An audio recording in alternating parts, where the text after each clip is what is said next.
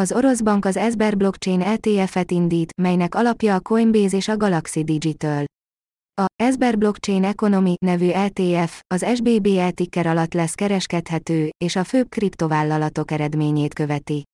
Az Esber, az orosz kormány által támogatott vállalat és az ország legnagyobb bankja, blokklánc tőzsdén kereskedett alapot, ETF-et indít, hogy nyomon kövesse a nagy kriptovállalatok, például a Coinbase és a Galaxy Digital teljesítményét.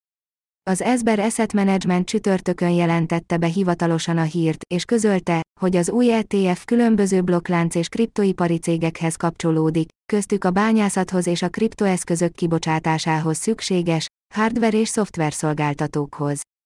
Az Esber Blockchain Economy elnevezésű alapot SBBE néven fogják kereskedni, és az Esber befektetési leányvállalata, az Esber Cib által kifejlesztett azonos nevű indexet fogja követni. Az SBBE portfóliójába a világ néhány nagyobb kriptovállalatát, köztük az Egyesült Államok legnagyobb tőzsdéjét, a Coinbase-t valamint Mike Novogratz befektetési cégét, a Galaxy Digitált és a blokklánc szoftverszolgáltató Digindexet fogja bevonni. Míg az SBBE pénzneme az amerikai dollár, a befektetők orosz rubelben vásárolhatnak részvényeket az Esber Investor alkalmazásban, vagy bármely más orosz brókeren keresztül. A részvények ára 10 rubelről indul, ami 0,13 ezred dollárnak felel meg, olvasható a közleményben. A bejelentés szerint az Esber blokklánc ETF lesz az első ETF Oroszországban, amely lehetővé teszi a befektetők számára, hogy a blokkláncpiacon pénzt keressenek a közvetlen fejlesztéssel, a digitális valuták vásárlásával, tartásával és eladásával kapcsolatos nehézségek nélkül. A kriptoeszközökbe történő közvetlen befektetések magas kockázatokkal járnak, ezért nehéz egyedül kezelni őket.